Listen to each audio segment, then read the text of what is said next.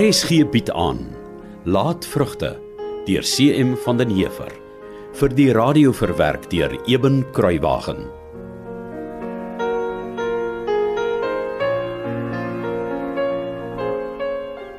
Ek het vir jou koffie gebring. Sit meneer. Sybrand.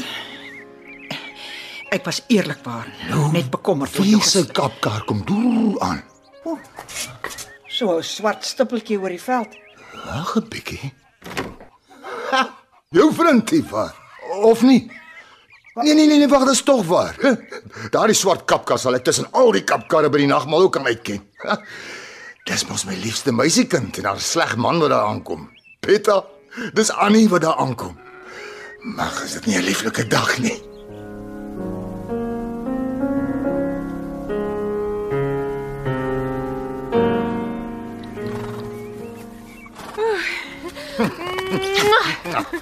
Maar pa sien daar mos goed uit. Dis wonderlik om jou weer te sien, my kind.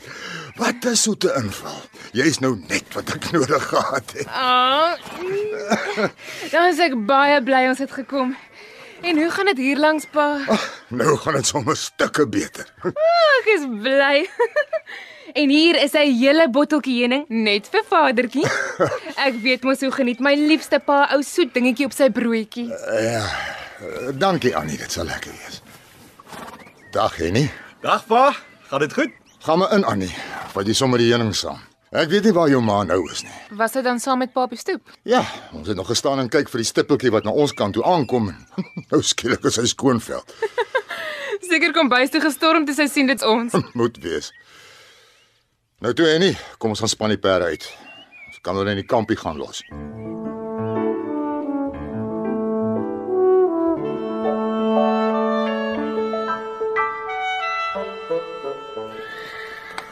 Staan pa se karperre nog aan die stal? Net die ek ordentlik toemaak dat die perde nie uitkom nie. So ja. En toe, hoe laat is julle daar weg? Net 'n rukkie voor sonop pa. Julle koud gekry.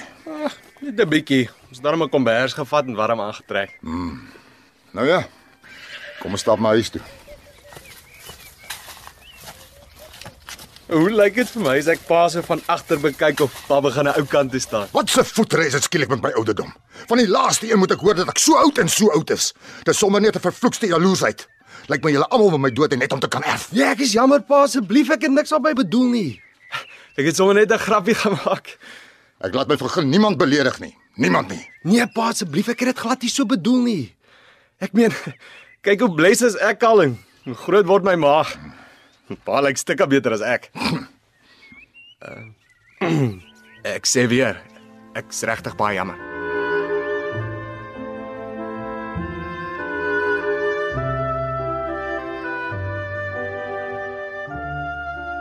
Waar moet ek ou vadertjie se heuning sit, ma? Ou vadertjie. Ag, dis sommer net iets wat skielik in my kop opgekom het, ma. Sit maar daar op die kas neer. Ma en pa lyk vir my regtig so goed. Ek weet nie hoe jy dit kan sê nie, Annie. Uh, Hoe bedoel ma nou? Kyk na my. Ek is grys en afgeleef. Ek is 'n skadu van die vrou wat hier op Boskloof kom woon het na my troue. Hoe kan ek vir jou goed lyk? Ag ek Ek's maar net bly om Male weer te sien, dis al. En jy, Annie? Ma, Jy moet jou oppas. Na twee kinders het jy veel te veel gewig gehou. Jou rug en jou enkels sal dit met moeite dra as jy eers ouer is. ma, dis dis darem baie persoonlik. Ek is jou ma, Annie. Nie 'n bakvissie wat vir die lekkerste beledigings uitdeel nie. Jy het nog baie jare om te leef voor jy kom waar ek nou is. Jy en Henny het altyd veel te veel aangesit vir julle ouderdom. Goed. Ek glo ma sê hierdie dinge omdat ma omgee. Natuurlik. En jy moet jou oppas. Hoe ouer jy word, hoe moeiliker sal dit vir jou wees om deur 'n dag se werk te kom. Ja, ma. En hoe gaan dit met ouma? Nee, sy gaan aan. Ek sal nog bietjie later 'n draadjie by haar gaan maak. Ja. Maak jy maar so my kind. Ma? Is daar fout? Waarvan praat jy?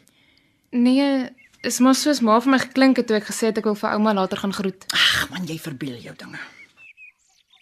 En waar's daardie aantreklike broer van my dan, ma? Die arme kind werk om mors dood iewers. Ek is nou nie eintlik seker waar het jou pa hom in die werk gesteek nie. Is daar 'n nooi of maak dit darem al oogies vir iemand, ma? Ek weet nie. Henning praat nie uit nie. Maar dit gaan darm seker goed met hom ma, of hoe? Tja, gaan seker maar goed met hom ook. Ma, wat skort? Hoekom ma nie weet hoe dit met Henning gaan nie? Ek sê mos vir jou Annie. Henning is nie een wat uitpraat nie. So van sien en praat lyk hy goed en hy doen sy werk en ek doen my werk en jou pa doen sy werk en dis maar hoe dit is. Hoe gaan dit met ma en pa? Maar dit het jy mos nou al gevra Annie. Nee ma. Ek bedoel, laas het ma so gehuil toe ons hier was. Ek wil maar net weet, gaan dit nog dieselfde? Gaan dit beter? Slegter?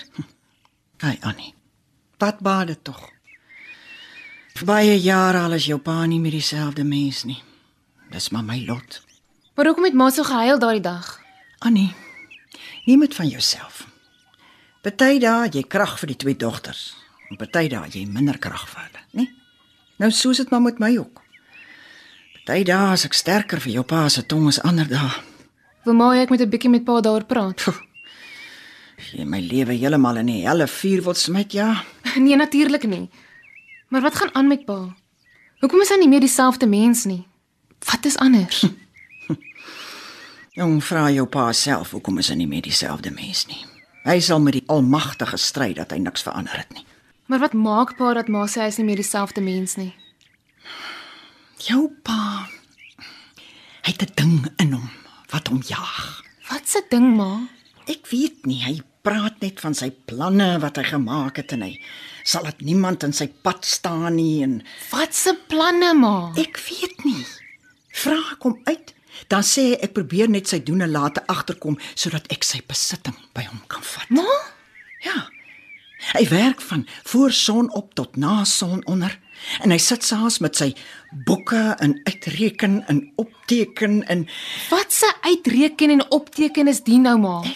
weet nie Annie. Net jou pa sal weet. Ek's regtig jammer om dit te hoor, ma. En ma se gesondheid? Ma het baie maar geword. Ja, my kragte is min. Ek is lewensmoeg aan nie. Moenie so praat nie, ma. Miskien moet ek en Henny 'n bietjie langer bly sodat ek ma kan oppas. Ek het nie oppas nodig nie. Ek sorg vir myself en verder gee ek net als oor aan die Here. Ja, ma. So, Annie. Hoekom is jy en Henny eintlik hier? Hoekom is ons hier? maar wat 'n vraag is dit dan nou? Is ma hulle nie bly om ons te sien nie? Ek het dan tot vir ma hulle 'n botteltjie heuning gebring. O, oh, ek dink dis vir ou vadertjie. Ag my ou moedertjie, ek het mos sommer net 'n grappie gemaak. Die heuning is natuurlik vir almal. Annie, maak jouself handig. Haal vir my die koppies uit dat ons vir die mans kan koffie skank.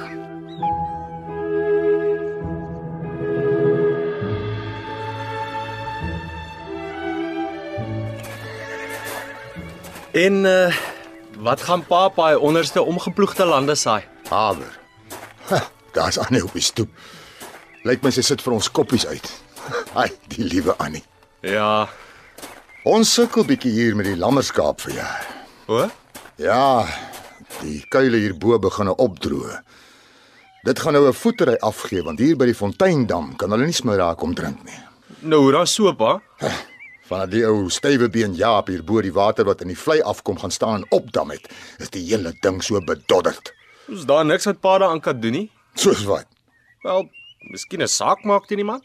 Ja. Ek is nog altyd spyt ek het hom nie laat prosedeer tot wie weet waar nie.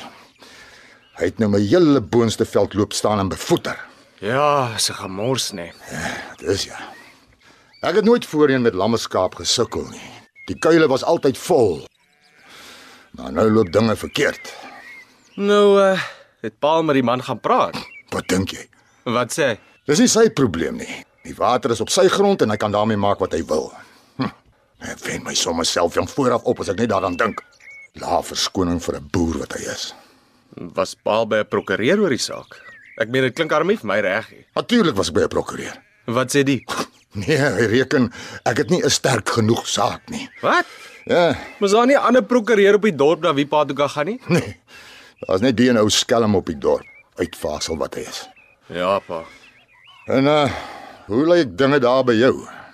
Nee wat? Uh, ons gaan aan. Klaar geploe al. Uh nog nie heeltemal nie. Wat gaan jy insit?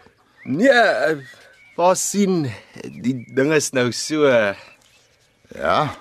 ek hou maar daarvan om te bly wat vir my werk. En wat werk vir jou? Ag, pa weet ek hou van koring. Daar's 'n bietjie winterweiding wat ek ook in die een land het. Hoeveel skaap het jy op die oomblik? Skaap. Mm. Uh ja, ek meeste van my skaap op die laaste vindisie verkoop pa. Goeie prys gekry. Wat 'n goeie prys nog pa. As 'n mens ooit tevrede met wat jy vir jou vee gekry het. Was dit daarom bo die markprys? Uh wel eh, kom ek sê vir pas so. Daar is boere wat sal sê ek het te maklik laat gaan en hmm. dan sal ook boere wat sal sê dat ek dalk omtrent so mm, net by die markprys gedraai het. Hmm. Pa, Henny, kom, hier's koffie en beskuit.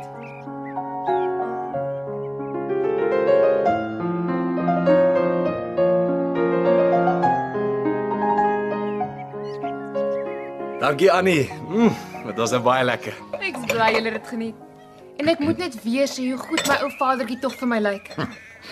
Nou verskoon my asseblief my pragtige twee manne. Ek neem maar die skinkboek kombuis toe. Ek gaan 'n bietjie met ma gesels. Sien julle later weer. Dankie Annie. Dankie my vrou, lekker kuier hoor. Nou uh toe, sê my Jenny. Hoekom is julle eintlik hier? Pa? Toe toe, ek wil weet. Hoekom het julle Boskloof toe gekom? Laatvrugte deur CM van den Heever is in 1939 uitgegee deur Nasionale Pers en word vir RSG verwerk deur Eben Kruiwagen.